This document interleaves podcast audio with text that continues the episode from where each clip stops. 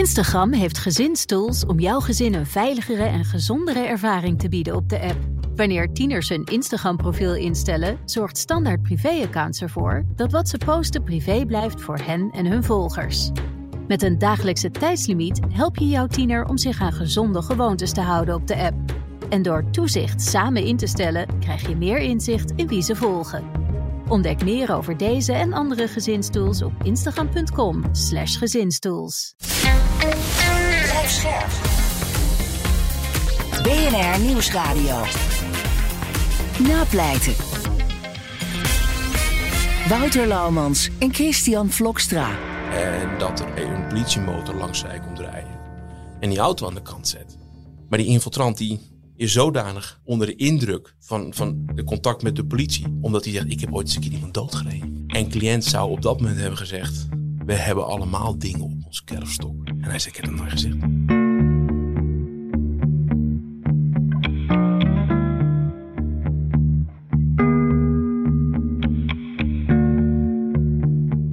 Hallo en welkom bij Napleiten, de podcast waarin we met advocaten en sinds kort ook officieren van justitie praten over strafzaken die hen altijd zullen bijblijven.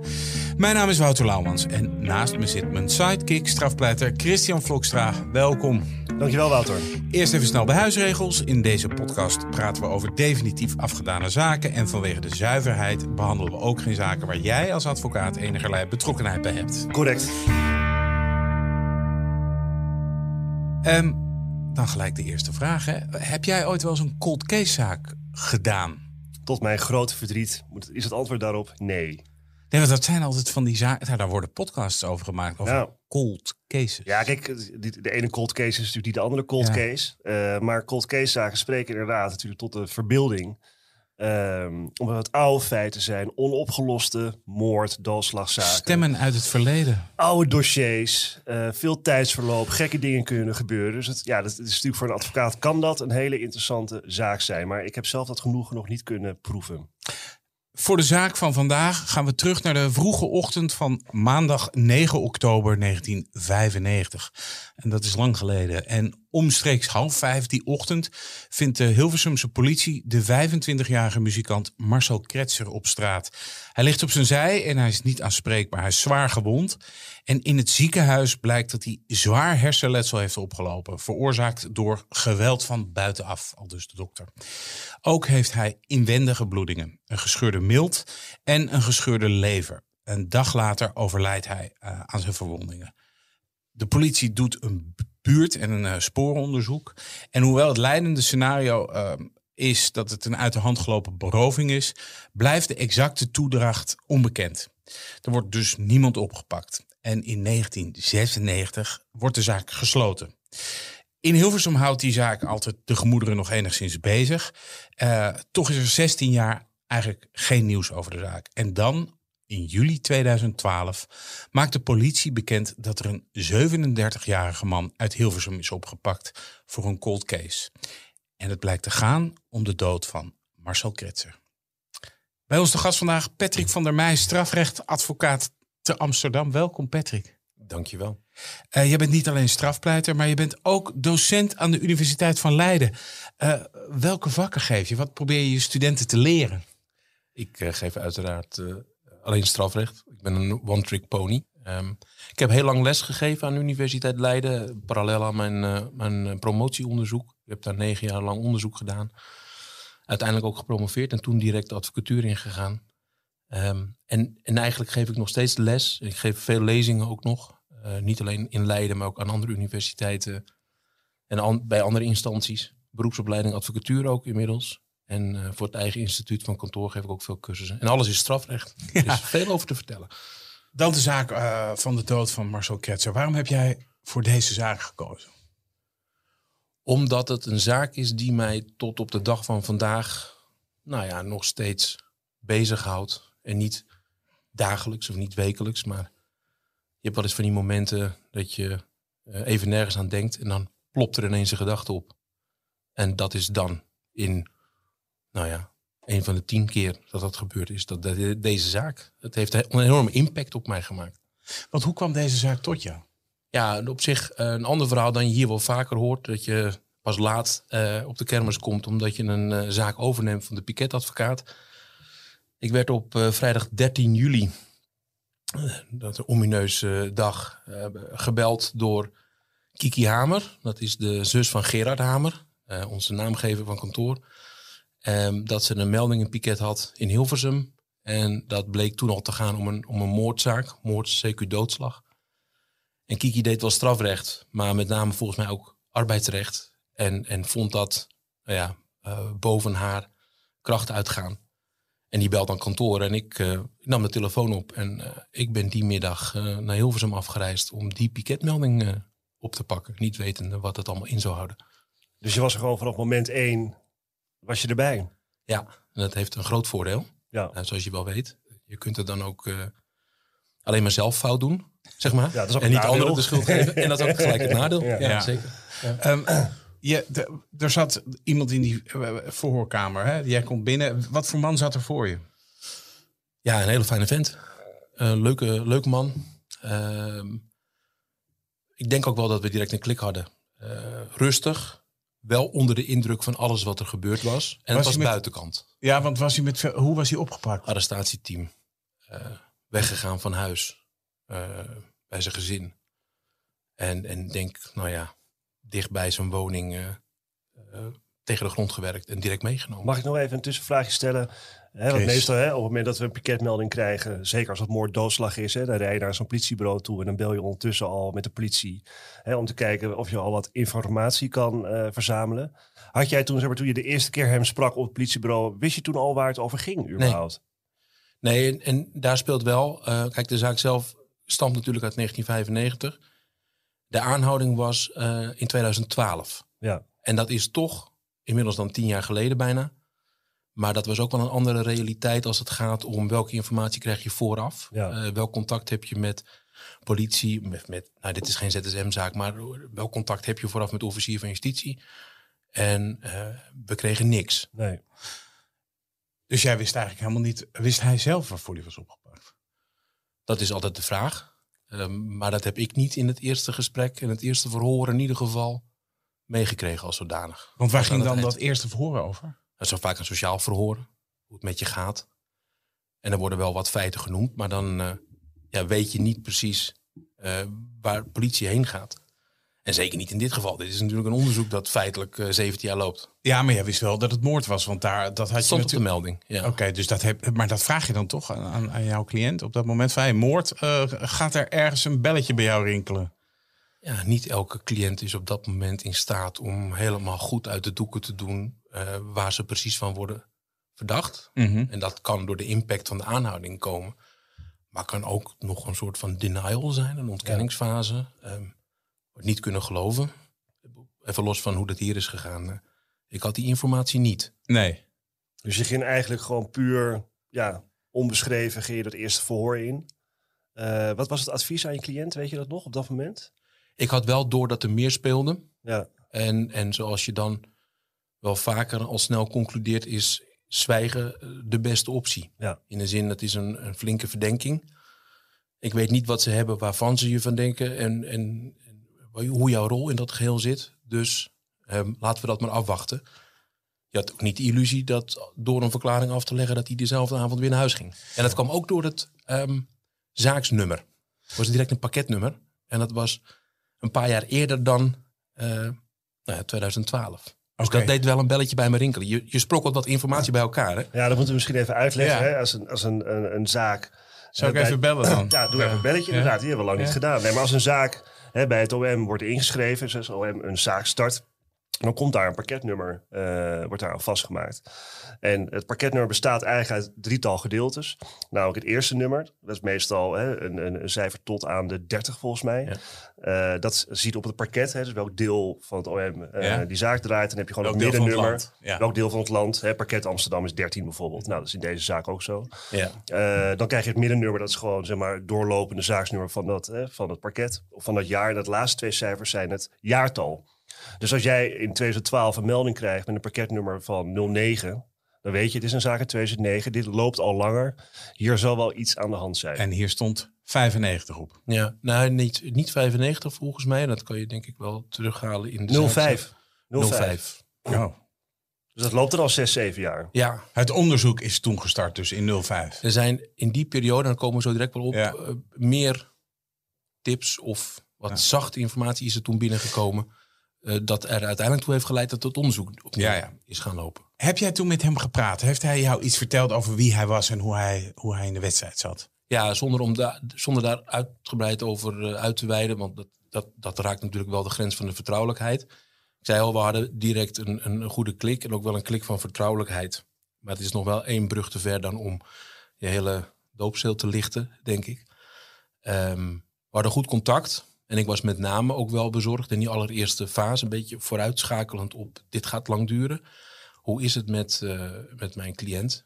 Ehm, en, en wat staat ons te wachten? En ik probeerde dat ook wel te polsen bij hem. En, en dat doe je ook door, ehm, dat is relevant voor ook wat we gaan bespreken, eh, te kijken wat is zijn sociale situatie. Ja. Eh, want je probeert een inschatting te maken, wie heb je voor je altijd? Hè? Is iemand getrouwd, heeft iemand kinderen? Of is het een, iemand die verslaafd of, of psychisch in de war? Of, je probeert dat te polsen. Ehm, en bij mij kwam al heel snel het beeld naar voren van een hele normale, amicale, hardwerkende kerel. Ehm, maar ook wel iemand die het moeilijk had, zwaar had. Wat betreft werk en inkomen. Ehm, en een relatief beperkt sociaal netwerk had. Had hij vrienden? Eén, Wat hier Noemde gezin. niet. had een gezin, ja. Maar die vriend, dat is wel saillant. Eh, Wie noemde hij je naam? ja, Sam. Eén vriend, dat zijn er niet veel. Nee, En was dat zijn beste vriend? in zijn ogen denk ik wel. Diezelfde avond is jouw klant opnieuw verhoord. Hè? Daar was jij volgens mij niet meer bij. Nee. Nee, omdat het een verlengde... Ja, die, ziet- die realiteit toen was met verhoor wel iets anders. Ehm, eh, het zou gaan om een paar vragen en hij ging zwijgen. En het was al duidelijk dat de volgende dag, zaterdag, eh, het verhoor echt zou gaan lopen, zou gaan beginnen. Ik heb wel telefonisch contact toen gehad en het was niet nodig dat ik erheen kwam. En dat was op zich, bij mij te banaal om te zeggen, ook best fijn. Want het was een, een dance event eh, in het oude Olympisch Stadion in Oh, jeetje. Amsterdam. Oh, je ging gewoon stappen. Ja, Ik zo ging- is het ja, natuurlijk Ik ook. ging stappen, maar ik moet je eerlijk zeggen, wat me toen wel ook gered heeft, is eh dat was zo'n festival dat toen al tot 12 uur duurde. Oh ja, oké. Dus ik wist ook tijd- dat ik de volgende dag dan in Hilversum zou gaan, dus ik heb Je lag op netjes tijd in bed. Ja, ja. Maar is het nou zo dat, dat, dat het ruikt een beetje dat die vrijdagavond is misgegaan of niet? Nee, helemaal Oh, niet. oh, nee, helemaal dat stelde, niet, nee. Wat de vrijdagavond gebeurde stelde eigenlijk Nee. niks voor eh, eh, in het kader van verhoor. Nee. Nee. Maar die avond werd hem wel duidelijk dat die beste vriend van hem... dat dat eigenlijk eh, iemand was met twee gezichten, toch? Wat hebben ze hem verteld? Eh, wel om hem klem te zetten. En dat kwam de volgende dag duidelijker naar voren. Eh, ze hebben hem toen verteld waar ze hem van verdachten. Eh, en ook wel duidelijk gemaakt dat het ging om een langlopend opsporingstraject. En dat Sam geen vriend was, maar een eh, infiltrant. Oh jeetje. Een infiltrant.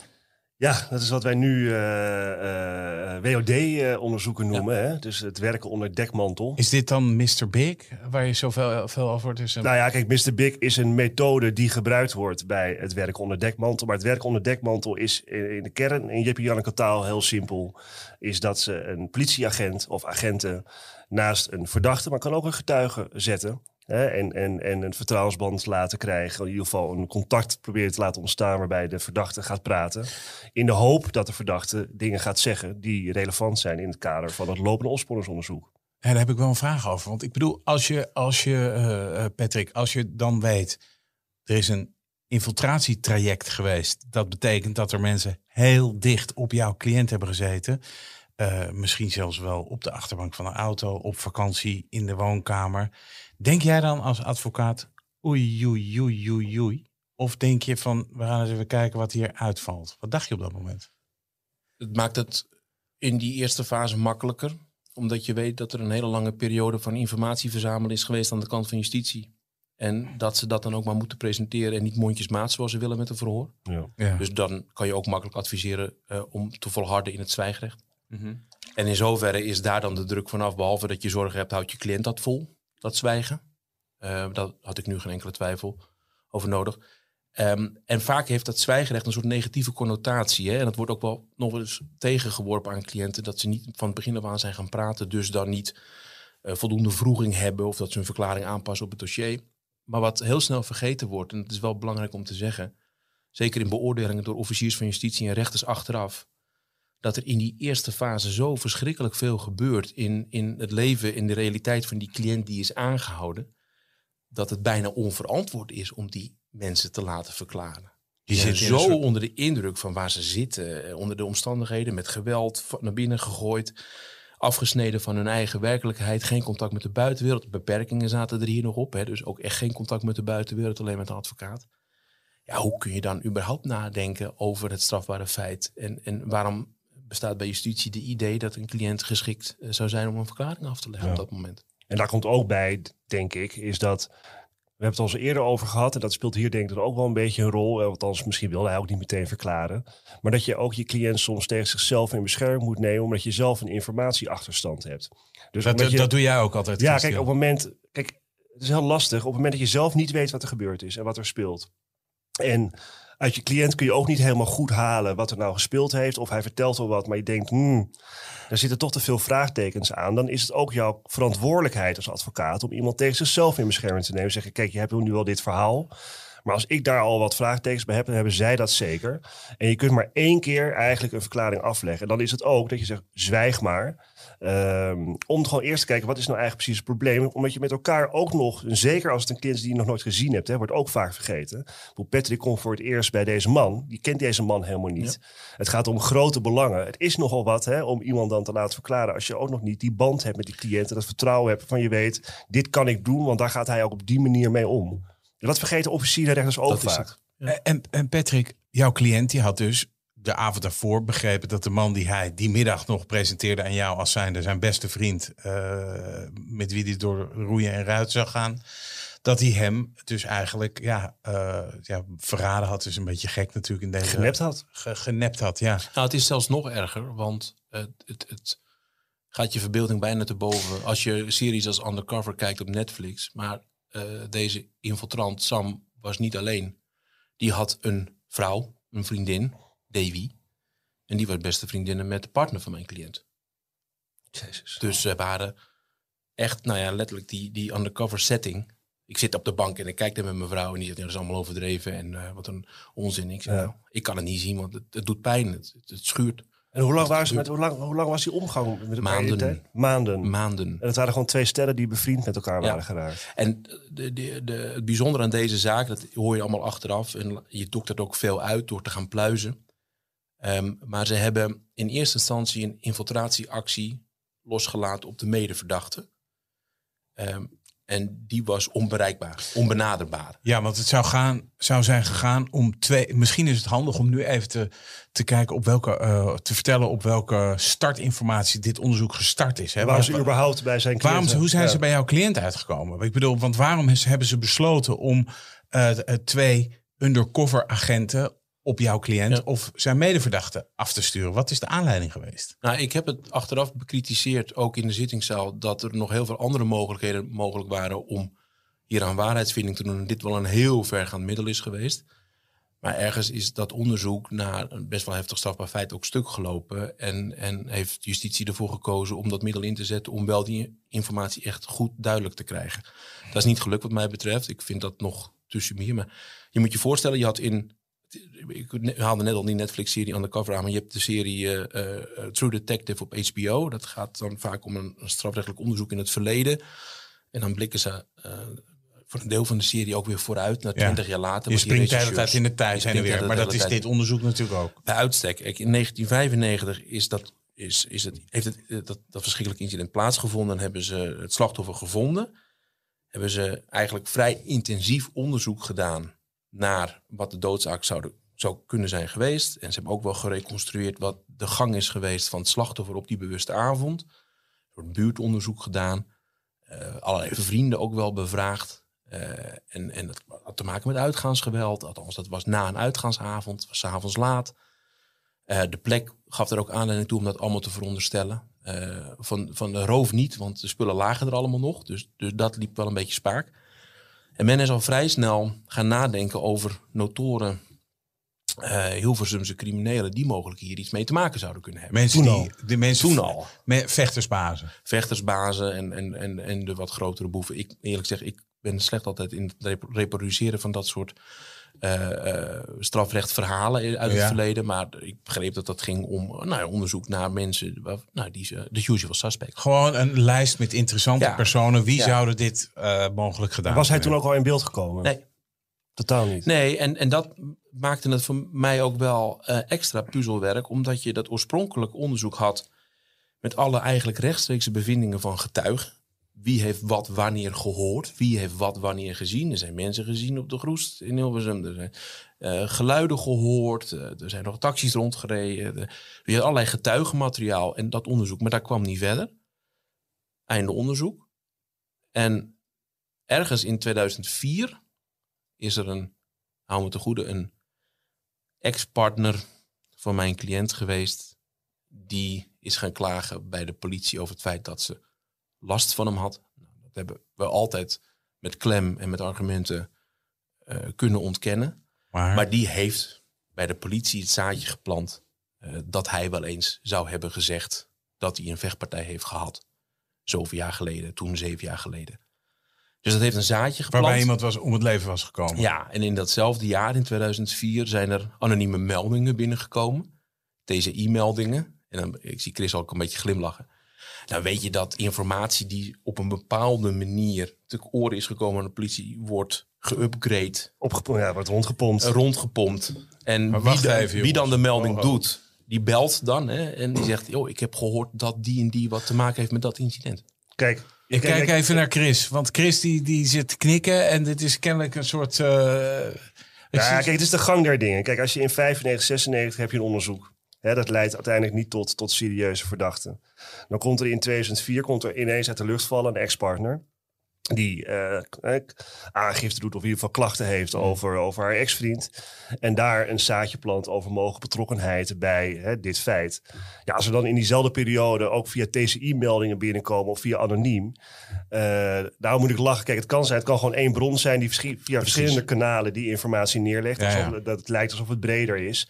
Het kunnen ook wel drie verschillende mensen zijn die onafhankelijk van elkaar eh, opeens met deze informatie komen. Maar als het is, weet je, het is wel heel toevallig dat het in 2004 allemaal tegelijk komt. En maar je weet wij- het niet. Nee, kijk, je weet het niet. En dat is het hele punt. En bij de TCI of via misdaad, Ja. meld misdaad anoniem ga je er nooit achter komen. Wat zit hierachter?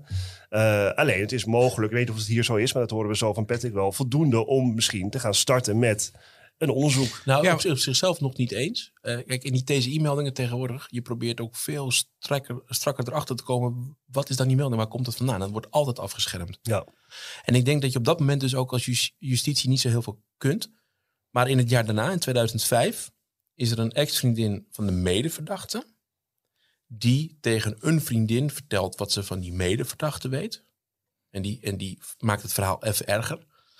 Eh, en, die, en die vriendin die dat verhaal ontvangt, is de dochter van een politieregisseur uit Hilversum. En die vertelt dat tegen de vader. En wat vertelde zij dan? Wat was het verhaal? Want je zegt het werd, erger. die medeverdachte die zou hebben verteld, en dat hebben we ook altijd met succes kunnen bestrijden, tegen die toenmalige vriendin, dat er een vechtpartij is geweest, eh, waarbij ze alle twee betrokken waren geweest. En, en dat was het erge, en dat, en dat is op zich ook wel het geluk in deze zaak om dat te ontkrachten, dat er een vechtpartij is geweest, dat men weg is gelopen en uiteindelijk terug is gekomen om ervoor te zorgen dat eh, nou ja, er geen getuigenis meer zijn. En dan heb je het over voorbedachte raden. Ja, dan ga je richting moord. Niet in Om de een klus te klaren. ja, en niet in een opwelling gehandeld. eh, maar Hmm. eh, er zou gezegd zijn, maar ja, we moesten teruglopen omdat we geen getuigen wilden hebben. En, nou, dat is de enige bron in het dossier die dat eh, noemt. ja. En En hij zou is- daarbij ook jouw cliënt weer genoemd hebben. Ja, Zo. ja.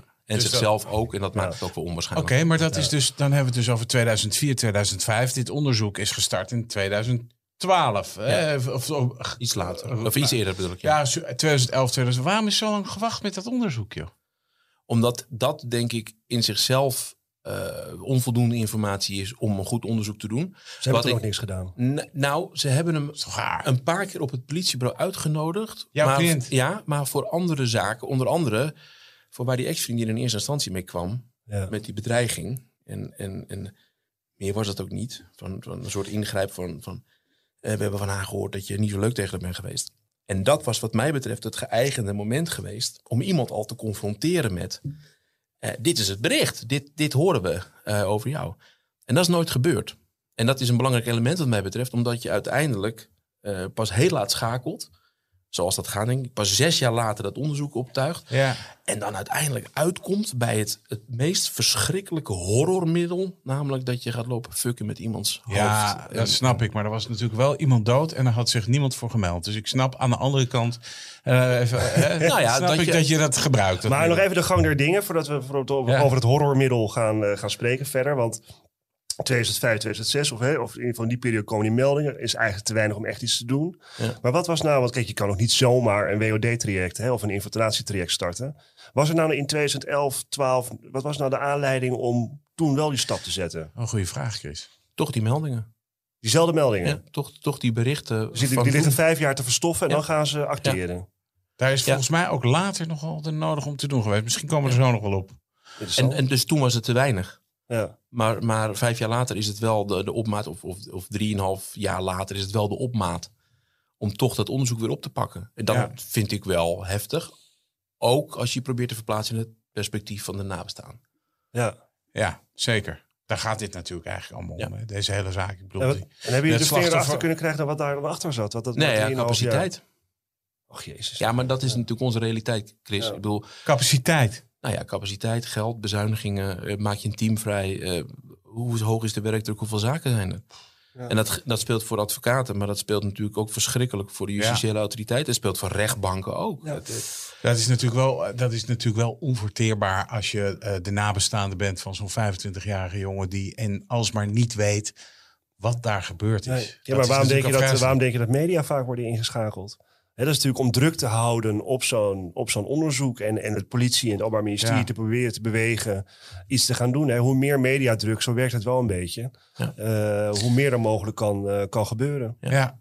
terug naar de zaak. Ehm, heb jij aan, jou, aan jouw cliënt ge- gevraagd, joh, zitten ze goed? Heb jij dit gedaan? in, in die zin, ik weet eigenlijk in al mijn zaken eh, vaak wat er gebeurd is. En heeft hij jou dat verteld? ook? Ja, sterker nog, heb het ook in justitie verteld. Hoe ging dat? Eh, het, is een, het is een heel proces dat je doormaakt met elkaar. Eh, ook omdat je een inschatting probeert te maken naar nou ja, hoeveel bewijzen ligt er. En ik denk zelf dat het niet heel veel nut heeft om te blijven zwijgen op het moment dat er genoeg bewijs is. Nee. En Alleen als je andere redenen hebt om te zwijgen omdat je bang bent, angst voor represailles enzovoort allemaal, dan moet je dat vooral blijven doen. Dan zou ik dat ook blijvend adviseren. Maar als er genoeg bewijs is, is het natuurlijk een aanleiding om uiteindelijk wel een verklaring af te leggen. Ja, want hij kon niet meer terug, want hij had het verhaal eigenlijk ook min of meer verteld aan Sam, de undercover agent. Ja.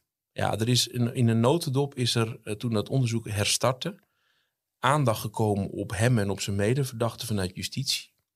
En dat is enerzijds aandacht geweest aan de hand van het inzetten van eh, telefoontaps en, en OVC, afluisterapparatuur is dat. Ja?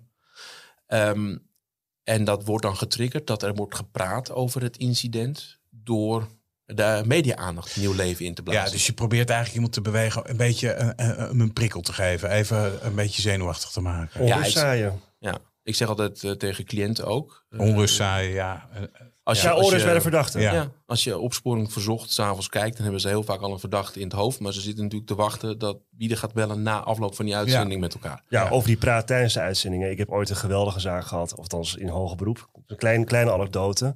Dat was de, de, de, de raketwerper op de rechtbank Amsterdam.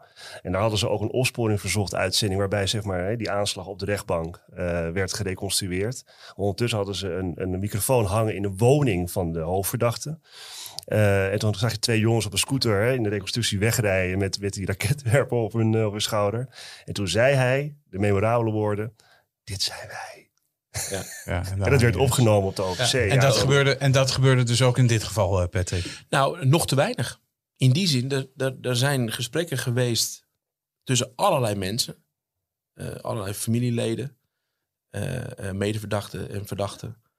Eh, maar nooit een herhaling van dit hebben wij toen gedaan of dat is toen gebeurd of dat is... Met andere woorden, het leverde ook te weinig op om hard bewijs te vormen. Maar wel een soort van bevestiging dat er wel iets Van het was. Ja. En daar waren Sam en Davy. En, en, en dan krijg je Sam, en- Sam en Davy. En ik kan die namen tot op de dag van vandaag nog steeds niet uitspreken. Eh, Waarom niet? Omdat ik zie wat voor impact het heeft gehad op het leven van mijn cliënt en van zijn gezin. En je moet je voorstellen dat dat verhaal, zo'n infiltratietraject, is eh, voor alle partijen spannend, denk ik. Ehm, maar het is gelopen via de partner van cliënt. Ja. Eh, de, de vrouw, Davy, heeft eh, in het zwembad contact gezocht met de partner van mijn cliënt. Met het zwemclubje vrouwen, dat er elke nou, dag in de week, noem het de woensdag, ehm, daar was. Heeft iets over opstartende handel van babykleertjes uh, gebruikt om contact te maken. En heeft op die manier contact gelegd. En dat is bij elkaar over de vloer komen als vrouwen. En er op een gegeven moment op aansturen. Ik heb een vriend, misschien is het leuk om een keer wat met z'n vieren te doen. En, en dan komt het erge. Wetende in wat voor financiële noodsituatie het gezin zit. Het was een groot gezin. Uh, wetende dat het eigen bedrijf van een cliënt uh, nou, te weinig betaalt om hun levensonderhoud te voorzien. Dat was een klusser. Hele handige jongen. En het stel komt over de vloer. En de man van Davy zegt, ja, ik heb een zomerhuis. En dat moet helemaal verbouwd worden. Uh, ik betaal je er goed voor. Wil jij dat doen met mij? Dan gaan we samen aan de klus daar. Dus de, de, de, het hele, de hele setting, het toneel verschoof van het huis ook naar het zomerhuis waar ze waren. Met kinderen erbij ook en zo? Nee, dat gelukkig niet. Nee, dat is altijd gelukkig wel, niet. Ja, ik, ik bedoel, ik, ik snap het allemaal wel. Maar aan de andere kant, hè, we hebben net gehoord dat hij bekend heeft. Dan zou je toch ook kunnen denken, ja jongen, je hebt wel iemand doodgeslagen. Dus Ja. het is vervelend voor je. Maar misschien had je, nou ja goed, het, het, het moet me dan toch even van het hart. Dat, ik denk, weet je, wel, dat, dat mag, hè, want dat, dat snap ik ook goed. Alleen, ehm, ik heb altijd verweer gevoerd op de, de proportionaliteit ja, van het middel, de subsidiariteit en de zorgvuldigheid van het middel. Kijk, en dat je een huis vol hangt met OVC, of dat je opnameapparatuur in een Volkswagen Caddy plemt, of dat je eh, uiteindelijk een infiltrant inzet om iemand een verklaring te ontlokken, dat snap ik. ja. Maar er zijn, wat mij betreft, ook aantoonbaar op onderdelen waarin de verklaring van mijn cliënt wordt weergegeven, afslagen genomen waarvan cliënt zegt, dat heb ik helemaal niet zo gezegd. Dat is helemaal niet gebeurd. En bij de, waarbij er bewust keuzes zijn gemaakt om geen opnames te maken. Maar dat Ja. het wordt gereproduceerd achteraf. ja, ja. Nou, dat is een, een manier van verslag leggen, die, die gangbaar is in onze praktijk. Die natuurlijk aan de zorgvuldigheid tekort doet. Eén anekdote eh, die ik zelf ook heel heftig vond, is dat de beide mannen op een bepaald moment op weg waren naar het zomerhuis. En dat er een situatie ontstaat waarbij een politiemotor langs zij komt rijden en die auto aan de kant zet. En Sam raakt helemaal over zijn toer. Zweten, janken, gillen en De politie. undercover agent. Ja, en die politieagent die motor die zegt, meneer, mag ik papieren zien? Ehm, dat, althans, zo heb ik het altijd begrepen. En, maar goed, en die geeft papier en het loopt met een sisser af en hij rijdt weer weg. Maar die infiltrant die is zodanig onder de indruk van, van, van contact met de politie. Ehm, omdat hij zegt, ik heb ooit eens een keer iemand doodgereden. Eh, en, dat, en dat is nooit ontdekt, maar dat hangt als een zwaard van Damocles boven mij. En cliënt zou op dat moment hebben gezegd, we hebben allemaal dingen op ons kerfstok. Als opmaat naar latere. En hij zei, ik heb dat nooit gezegd. Hm. En het staat wel in een PV. Ja, dat En zijn ingrijpende Amstede maatregelen. opgemaakt, hè? Dus die tellen meer. Dat maar wat is, maar wat, is, wat is uiteindelijk dan het verhaal geweest van deze WOD'ers, van deze infiltranten? Ja. Want hij is uiteindelijk losgegaan tegen... Ja, ergens tijdens eh, het klussen eh, heeft hij het verhaal uit de doeken gedaan, zegt Sam, dat er een incident is geweest in Hilversum in 1995. Uit de hand gelopen vechtpartij, iemand geslagen, iemand uiteindelijk is komen te overlijden. En dat hij daar nog steeds last van heeft. Even grosso modo Ja. is dat gezegd. Dat was eigenlijk gewoon een bekentenis. En dat is eigenlijk gewoon een bekentenis. Ja. En weet je, dat hele infiltratietraject is, En wat mij ook- betreft, Ja, saillant. Omdat dat stel, dat, dat undercover Netflix stel, nog steeds ook met etentjes over de vloer kwam bij cliënten bij zijn gezin. En je moet je voorstellen, de vrouw van mijn cliënt was toen de tijd zwanger. En die is ook in die periode bevallen. En dat stel is op kraamvisite gekomen. Ja. Het En gaat, hebben cadeautjes gegeven. Het gaat heel ver. Zo'n, ik bedoel, dat is daar. Ja, maar je moet het ook een beetje zien. Ik snap, ik snap ook wel, eh, Wouter, hoe jij er tegenaan kijkt hoor. En ik snap het ook vanuit nabestaanden wel. Alleen, Ja, nee, ik denk, ik bedoel, als ik een nabestaande van zie, zou zeggen, zeg ik, joh, hij had gewoon even de dag daarna. eh, ik bedoel, we krijgen, we krijgen onze geliefde eh, Marcel er niet mee terug. Maar was de dag daarna naar de politie gegaan, dan had je jezelf dit allemaal bespaard. Nee, zeker, zeker. Maar als het even Nou, gaat om de inzet van het opsporingsmiddel.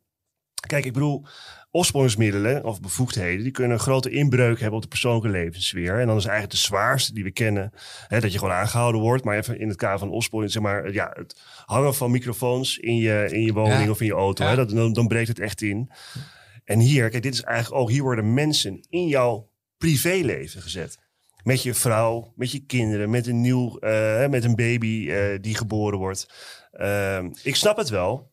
Weet je, Ik maar snap het is ook dat wel, het maar het is, het echt een extreem ingrijpend middel. En het raakt ook niet alleen de verdachte. Nee. Het raakt ook zijn vrouw en het raakt ook zijn kinderen. Ja, en het laatste wat, wat, wat daar nog bij zich bleef, want dat heb ik ook op zitting uiteindelijk in, in pleidooi en ook in- bij de inhoudelijke behandeling eh, nodig over gezegd. Kijk, hij is tien weken na de geboorte van zijn dochtertje aangehouden met een arrestatieteam. Ook wel in de wetenschap dat als dat doorgaat, dat hij voor jaren en jaren weggaat. Ja. En hij gaat weg van huis. En hij werd opgehaald op dat moment door Sam.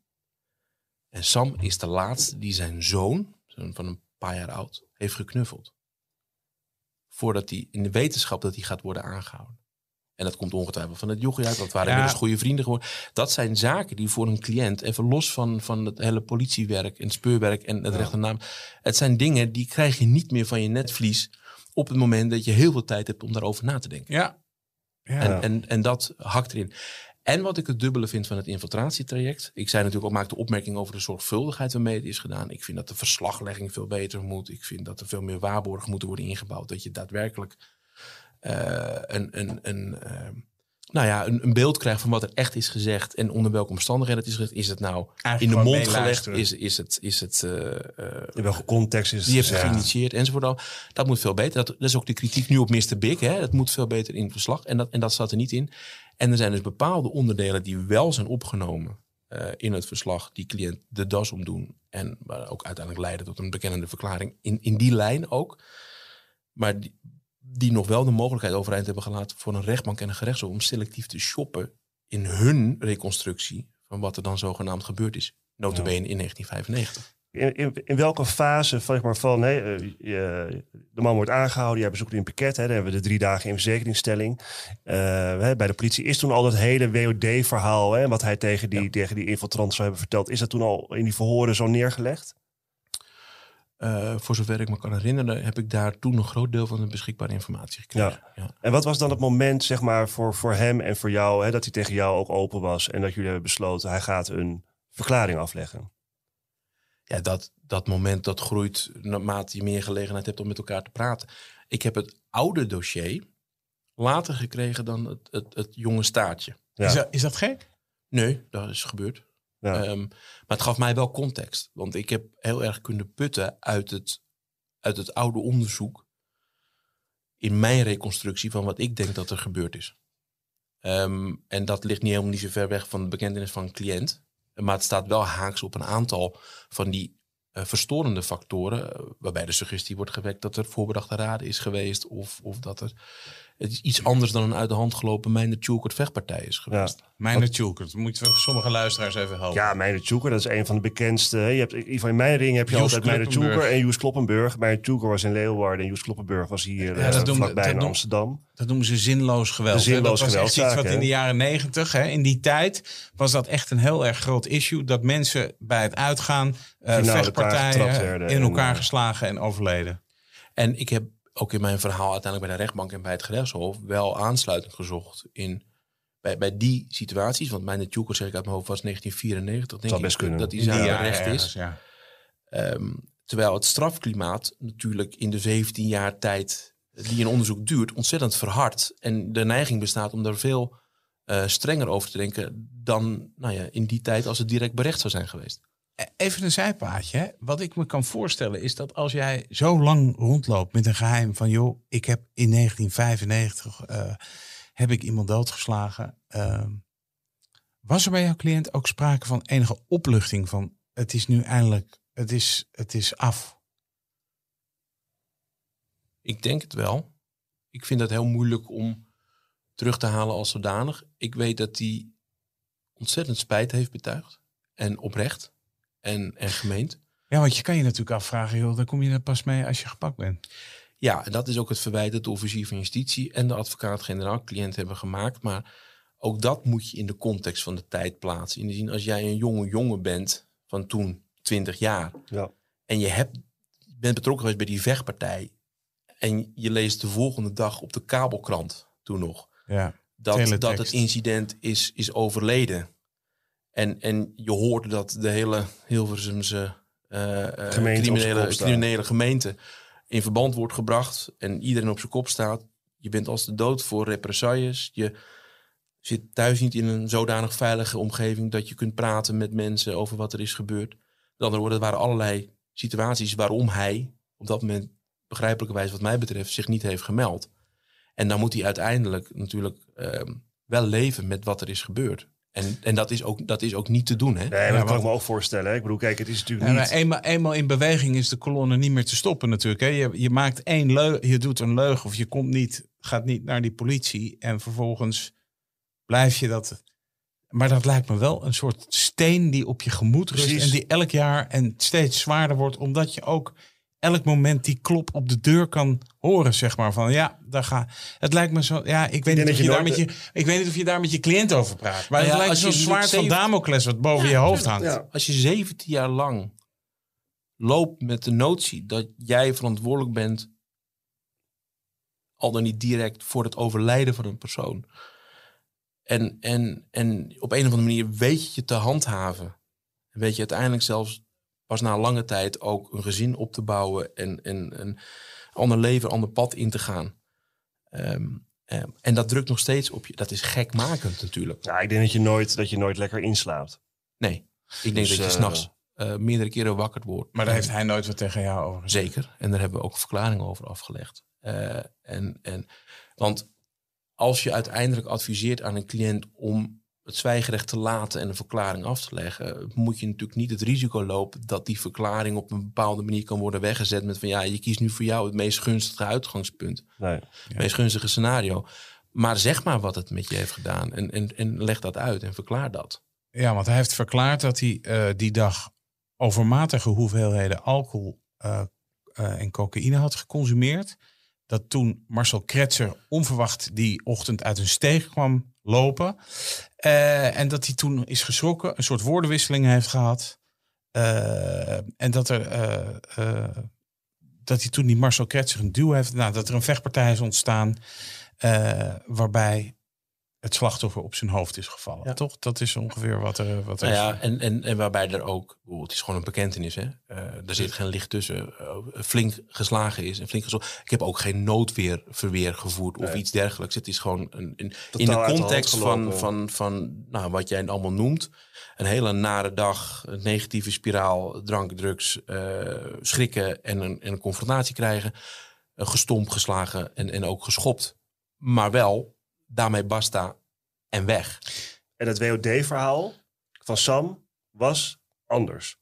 Wat, was, was, wat, wat zat er inhoudelijk nou nog veel licht tussen wat jouw cliënt uiteindelijk bekende en wat, en wat deze Sam eh, eh, in zijn proces verbaal had opgetekend? Ja, het, het WOD-verhaal liet wel eh, wat ruimte om nou ja, te interpreteren in, in lijn met die eerdere verklaringen dat er meer aan de hand was geweest en dat hij meer had gezegd en dat hij dat minder in een opwelling had gedaan. Maar was, is, is moord ooit serieus aan de orde geweest? Nou, de- ik meen dat de officier van justitie en de advocaat-generaal daar vrijspraak voor hebben gevraagd. Ja. Eh, en hij is er ook beide keren niet voor veroordeeld. Alleen binnen de marge die je hebt qua straftoemeting kan je natuurlijk een heel end Nee, zeker. nog eh hoogstraffen zonder dat iemand voor moord eh, Ja. opgaat. In de eerste aanleggen is er acht jaar geëist. Ja. Door de officier van justitie. Eh je hebt ons eh, je, in vertrouwen je pleitnota nota gestuurd. En jij betoogt, dat, tenminste dat las ik, dat eh, de man van toen een andere man was dan degene die op dat moment voor de rechter stond. Dat is ook. Dat is ook omdat je, ehm, je. Je zet het verhaal ook neer zoals het is. In die zin dat als je twintig bent en je hebt zo'n vechtpartij en je groeit op op de manier waarop je dat, op dat moment opgroeit. Met, met veel ruzie, veel conflict situaties. Dan, In de thuissfeer. in de thuissfeer, in je omgeving, dan, dan bestaat er een relatief grote kans op een criminele carrière. Die kansen worden niet kleiner op het moment dat je een vechtpartij hebt gehad waarbij je iemand dood hebt geslagen. Nee, integendeel. Integendeel, eh, als je eh, vast komt te zitten, dan ga je al vrij snel de professionele verkeerde kant op. De cliënt heeft zich volledig op eigen kracht daar uiteindelijk na een aantal jaren rommelen aan onttrokken. Heeft zich toch, ondanks die last op zijn schouders, op een bepaalde manier weten te rehabiliteren. Is uiteindelijk ook wel eh, tegen de goede vrouw aangelopen. Heeft een heel mooi gezin gesticht. Ook de zorg op zich genomen voor kinderen van anderen in die context. En, en is uiteindelijk een, een- een, huisvader geworden. En, en dat is een andere persoon dan die 20-jarige jongen. En dan denk je toch ook aan die nabestaanden, tenminste ik, eh, van dat slachtoffer. Die al die tijd waarin hij eh, misschien uitgegroeid is tot eh, meer een modelburger dan dat hij was. Die mensen die zich altijd hebben afgevraagd, wat is er met die, die persoon die, waar wij zoveel van hebben gehouden, wat is er die nacht gebeurd? En waarom in godsnaam vertelt niemand ons dat? Nee, maar ja, goed, dat is natuurlijk ook wel een verwijt wat je kunt maken. Alleen, kijk, uiteindelijk, want waar Patrick natuurlijk over praat, is uiteindelijk van hoe moet je iemand bestraffen voor een feit wat hij twintig jaar geleden heeft gepleegd, eh, waarbij hij daarna nog een hele persoonlijke ontwikkeling heeft gemaakt tot wat hij nu is. En kijk, een, een straf heeft meerdere doeleinden. Ja, vergelding is er hè, maar het, het, eh, of leedtoevoeging, eh, preventie. Wat is eh, de al- leedtoevoeging? nou ja, leedtoevoeging is eigenlijk hetzelfde beetje als een vergelding. Ik bedoel, Ja. je, je voegt leed toe aan iemand, Ja. hè, aan, aan de dader, voor het leed wat hij zelf heeft Ja. toegebracht. Ehm, maar een straf wordt ook opgelegd naar de persoon van de verdachte, de omstandigheden waaronder de strafbare feit toenertijd is gegaan. Omdat we met z'n allen weer verder moeten. En omdat, we, omdat rehabilitatie natuurlijk een soort Nou ja, en ook- is van onze samenleving. Precies, en ook eh, eh, nogmaals, het is, een, het is een vorm van uitgangsgeweld 20 jaar geleden. Dat is iets anders dan als meneer nu op 47-jarige leeftijd in de binnenstad van Hilversum eh, iemand kapot slaat en doodslaat. Ja. Ehm, dat is een andere zaak nu in een andere leeftijd dan Ja. toenertijd toen hij 21 was of 20 was in 1995. Maar neem niet weg dat het feit dat hij het nooit eerder zelf gemeld heeft, u terecht hem verweten wordt. Nou, waren Wout- er nabestaanden in de, in de Nee. Oude, oude ouders. Nee.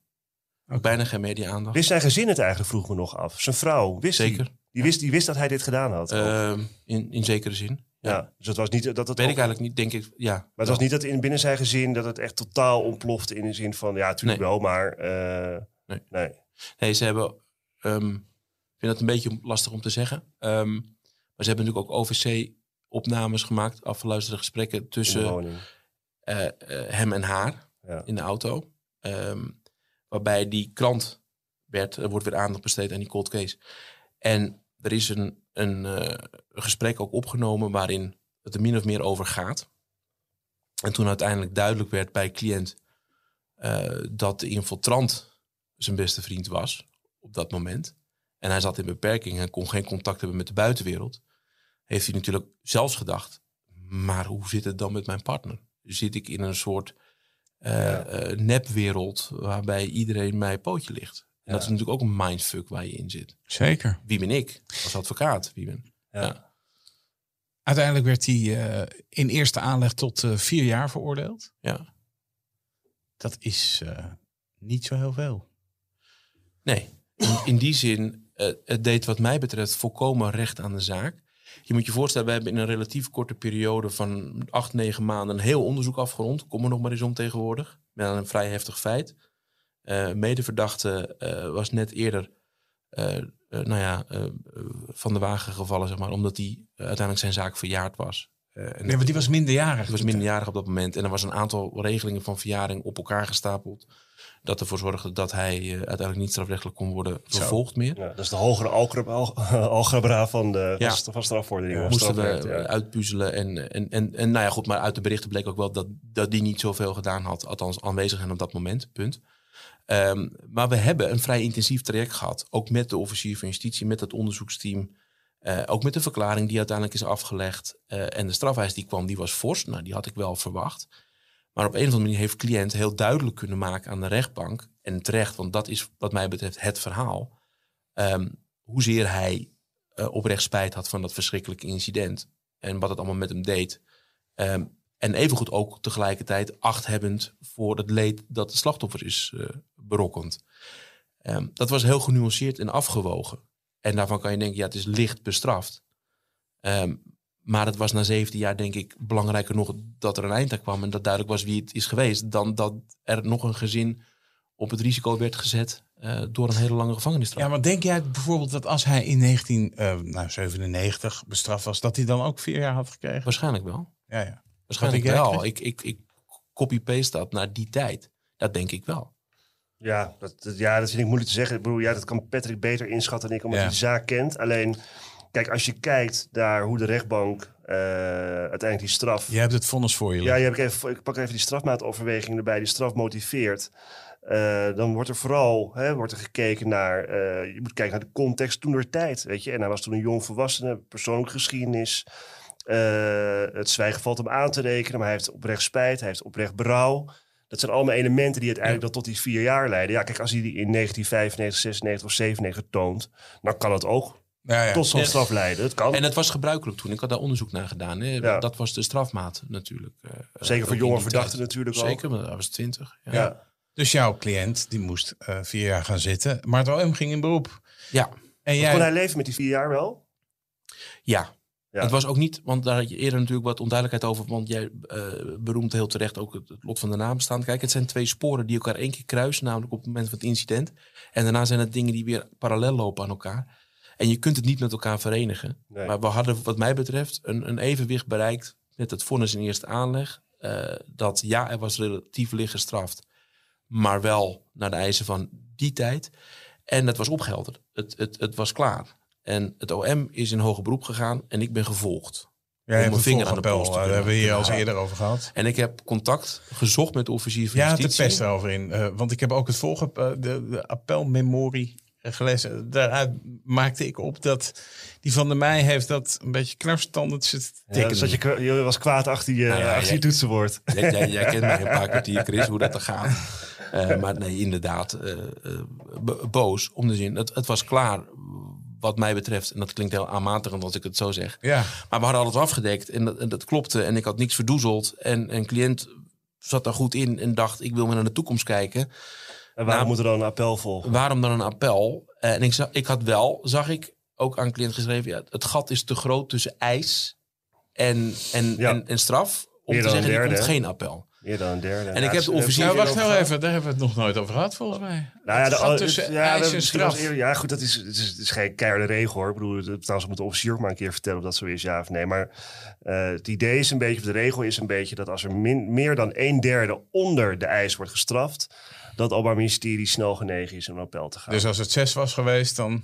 Had het waarschijnlijk. Uh, kijk, dat hangt er een beetje vanaf. Hè? Ik bedoel, kijk, je kunt natuurlijk een andere beweesverklaring hebben hè, dan het Openbaar Ministerie verzocht heeft. Ja. Hè? Maar als de beweesverklaring hetzelfde is, maar de strafmaat wijkt meer dan een derde dit, af, dan. dan maar dit je... weten ze natuurlijk op de rechtbank ook. Dus als ze zeggen van joh, wij komen er niet uit, dan gaan we gewoon op de helft, uh, dan gaan we gewoon eronder zitten Nou, en dan ja, zoeken oké, ze maar goed. uit in hoger beroep. Nee, natuurlijk, maar dat gebeurt Is natuurlijk dat ook echt wel. zo? Nou, dat is de keerzijde van wat Chris nu zegt. Ik hoor het mezelf heel vaak zeggen als advocaat. Maar deze absurde strafeis gijzelt het Openbaar Ministerie, de officier van justitie, wel uw rechtbank. Hè? Ja. Want hoe hoger je in de boom gaat zitten, hoe langer het duurt voordat je beneden bent. Ja. Ja, ja. Ja. dat, dat speelt zeker mee. Nee, maar goed, dan krijg je dus inderdaad dat zo'n rechtbank kan worden beïnvloed door het Openbaar Ministerie. Van oké, ik moet maar meegaan met die eis, want misschien komt er anders wel een appel als ik dat niet doe. Ja, Maar ja, goed, ik denk heel erg zelf dat een rechtbank in vonnis zegt, hè, die Nou, zich afwegen. Uiteraard. hè, en die moet gewoon zeker. doen wat ze, doen wat ze moeten doen. Dat hebben ze hier ook gedaan. Ja, het is de retoriek die wij ons kunnen permitteren als Ja. advocaat. Ik denk dat de realiteit heel anders is. Ja. En ze hebben hier een afgewogen vonnis neergelegd. Eh, ik heb geprobeerd dat af te kappen en te zeggen, officier van justitie, trek het is mooi spel in, doe ik het ook, is het klaar. En relatief kort na het instellen van het appel eh, kwam het hoge beroep ook daadwerkelijk. Er is bijna geen inhoudelijke behandeling eh, tussen een paar proforma's. Geen Er onderzoekswensen een verder nog. Het was, gewoon, het was gewoon een herhaling. Een van herhaling van zetten. Ja. Behalve dan dat ik het verhaal nog wel beter in de stijgers had gezet dan in eerste aanleg. Eh, met dien verstande, er was één factor die meespeelde. Ik had natuurlijk verteld dat de cliënt een dochtertje had gekregen. Ja. met een straf van vier jaar ga je op een bepaald moment zodanig eh, resocialiseren dat je verlof krijgt en dat je naar huis kan. Ja. Dat verlof was door het OM ook tegengehouden. Om, om, om redenen, nou, ik heb het allemaal Mhm. nagezocht. eh, waar ik het niet mee eens was in ieder geval. Selectiefunctionaris ook bewerkt. En kort en goed, cliënt zou de dag na de uitspraak in hoger beroep... gezien die straf van vier jaar in eerste aanleg... voor het eerst met verlof gaan naar huis. Om gewoon mee te draaien in het gezin op zijn eigen adres. En dan Ja. dat had ik voor elkaar gebokst. Mag ik even vragen, hoe ging de, eh, voordat je tot climax komt, hoe ging de behandeling in hoger beroep? Want ik denk dat je een goede behandeling had bij de rechtbank, gelet op het vonnis ook. Hè, dat voel je ook hè, als advocaat, dat je denkt, nou deze rechtbank zit er, zit er zit een beetje, nou niet op mijn lijn, maar die, hè, die heeft goed zicht op, eh, op mijn belangen. Hoe ging dat bij het Hof? Verschrikkelijk. Ja? Verschrikkelijk. Die hele inhoudbehandeling was al een ramp. Ik word, daar, ik, waar, ik word daar nog steeds af en toe wakker van. Ik zie die, rechter, die raadsheren nog steeds zitten. En wat was, wat, wat, wat was er aan de hand dan? Nou, het contrast is heel groot. En ook voor mijn cliënt. Want bij de rechtbank hadden ze twee dagen voor die zaak uitgetrokken. We hebben in, in goede harmonie, ook met de officier van justitie, ieder zijn standpunt. Eh, we hebben een lange inhoudelijke behandeling gehad. We hebben goed kunnen pleiten. Alles kwam goed over het voetlicht. Dat is dan wat beklijft. En je gaat een hoger beroep. En er was letterlijk een achteraf middag voor uitgetrokken. Ja. Dus om half twee 's middags ga je een moordzaak behandelen. Wetende dat die dan waarschijnlijk om vijf uur afgelopen moet zijn. Ja. Omdat de raadsheren een avondprogramma hebben. En cliënt was bijvoorbeeld die ochtend al heel vroeg opgehaald. En gebracht naar het nieuwe gerechtshof in Amsterdam. En om daar een voorstelling van te maken. Ik weet niet of je er ooit beneden bent geweest, wel. Nee, ik, ik, daar kom ik niet. Nee, Nee. Ik ben wel eens door de catacombe geleid, maar eh, ik ben daar nog nooit Nou, beneden. je hebt een scène in The Matrix. Ja, van films, na, ja. na, het, na het nemen van een pil. Dat al het decor wegvalt en dat je in een volledige witte ruimte Ja, bent. ik, Ja. Het, het, het is een, het is een marmeren eh En, en, bedoeling. en beneden is het niet marmer. Nee. Je ziet feitelijk niet eens waar een muur ophoudt. En Nee. het, was, het was strak wit. ja, ja. Dus die cliënt die had De hele ochtend. in een ruimte gezeten. Ja. Eh, geen enkele eh, illusie meer gehad over waar hij was. En die werd om half twee die zaal ingebonjourd. En die zat, en die zat nog letterlijk met zijn ogen te knipperen. En de illustere woorden van de voorzitter waren... Het is een voortbouwend appel. We hebben alles al behandeld in eerste aanleg. Dus wat wilt u nog toevoegen aan de zaak in eerste aanleg? En cliënt had volgens mij nog niet eens het idee dat hij op de aarde was, zeg maar. En eh, eh, wat moet ik zeggen? En het is hakken geweest op cliënt. Alleen maar voorhouderstukken. Geen gesprek, geen respons, geen reactie. Hakken, hakken, hakken. Maar het Openbaar Ministerie ging wel lager zitten met de eis. Zes jaar. Fascinerend. Dus die gingen eigenlijk Ja. wat naar beneden. Advocaat-generaal eh, ken ik als een hele goede advocaat-generaal. Ik, ik, ik kan heel goed met haar werken. Zij was heel kritisch, ook op de houding van cliënt. Ehm, eh, was ook streng naar cliënt toe, echt heel streng. Eh, maar goed, er is ook, wat jij al zegt, er is ook natuurlijk wel iets gebeurd. Maar heeft wel alles verwerkt wat er tot en met dan toe is gebeurd. Ook in die zaak. Ook alles wat we met elkaar hebben besproken. En daar kwam een gewogen strafeis uit van, van zes jaar. En op dat moment dacht ik, maar ja, als je die zes jaar krijgt. Denk jij. Ja, dan zitten we nu op...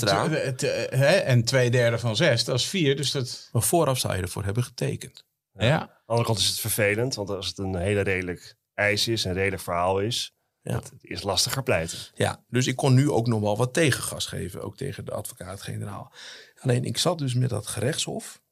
Ja, je, je had het niet getroffen met een combinatie, zag ik. eh, Je hebt de namen gezien. Ja. Eh, je kunt niet iedereen meer tegenkomen in het gerechtshof. Nee. Eh, dat maakt mijn nachtmerries iets minder.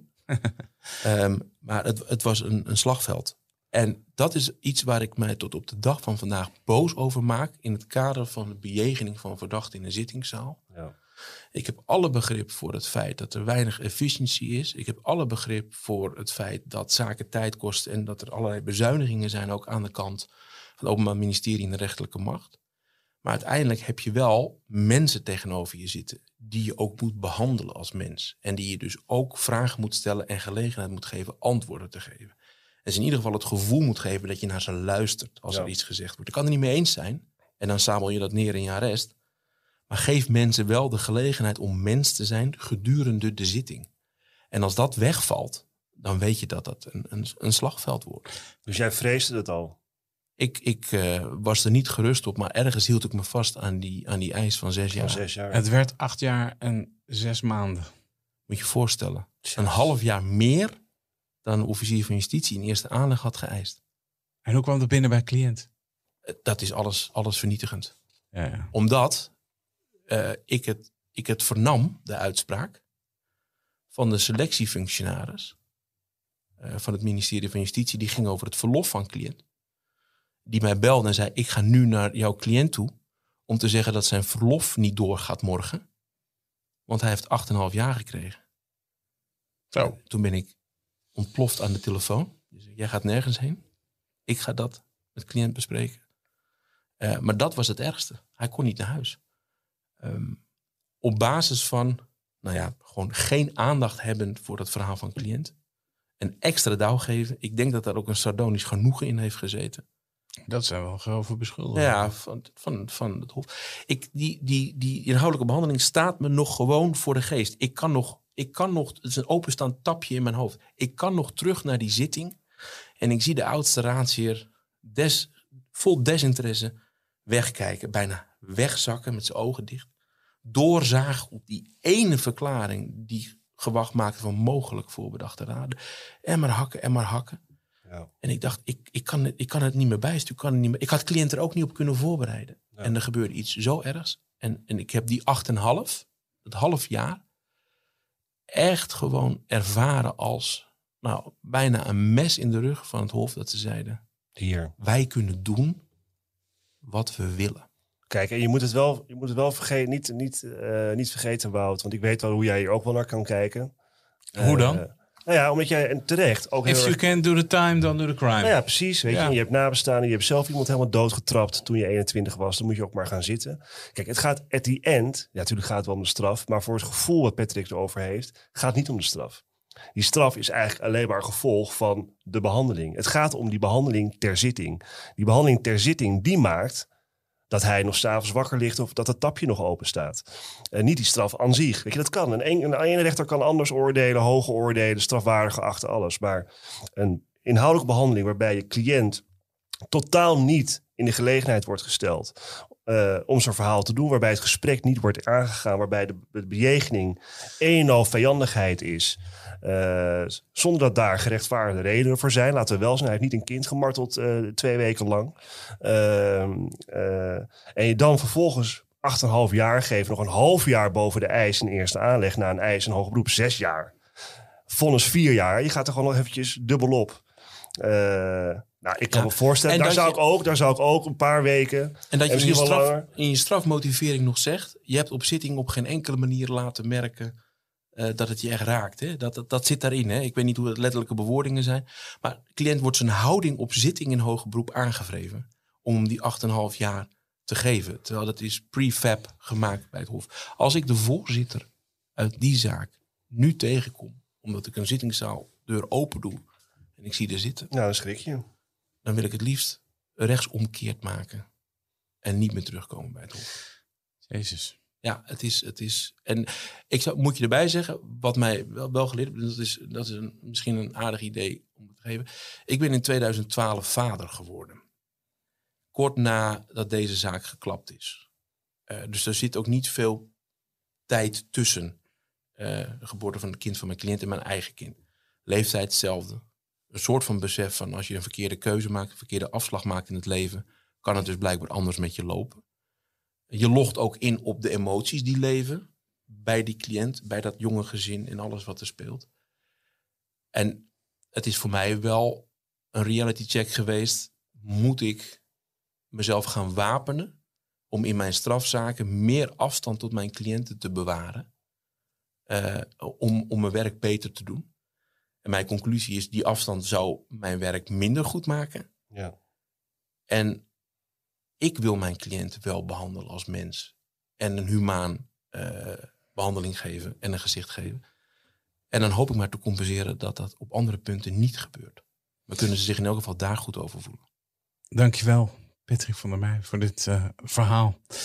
Dit was Napleiten. Uh, de uitspraak in deze zaak kunt u nalezen op rechtspraak.nl. Mijn naam is Wouter Laumans en naast mij zit co-host advocaat Christian Vlokstra.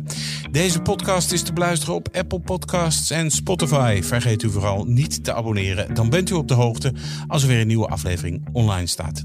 Verder zijn we uiteraard te volgen op de socials, Twitter en Instagram.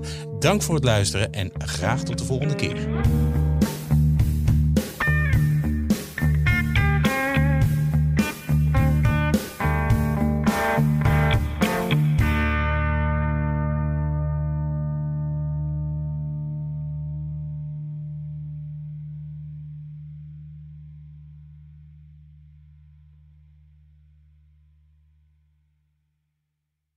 Instagram heeft gezinstools om jouw gezin een veiligere en gezondere ervaring te bieden op de app.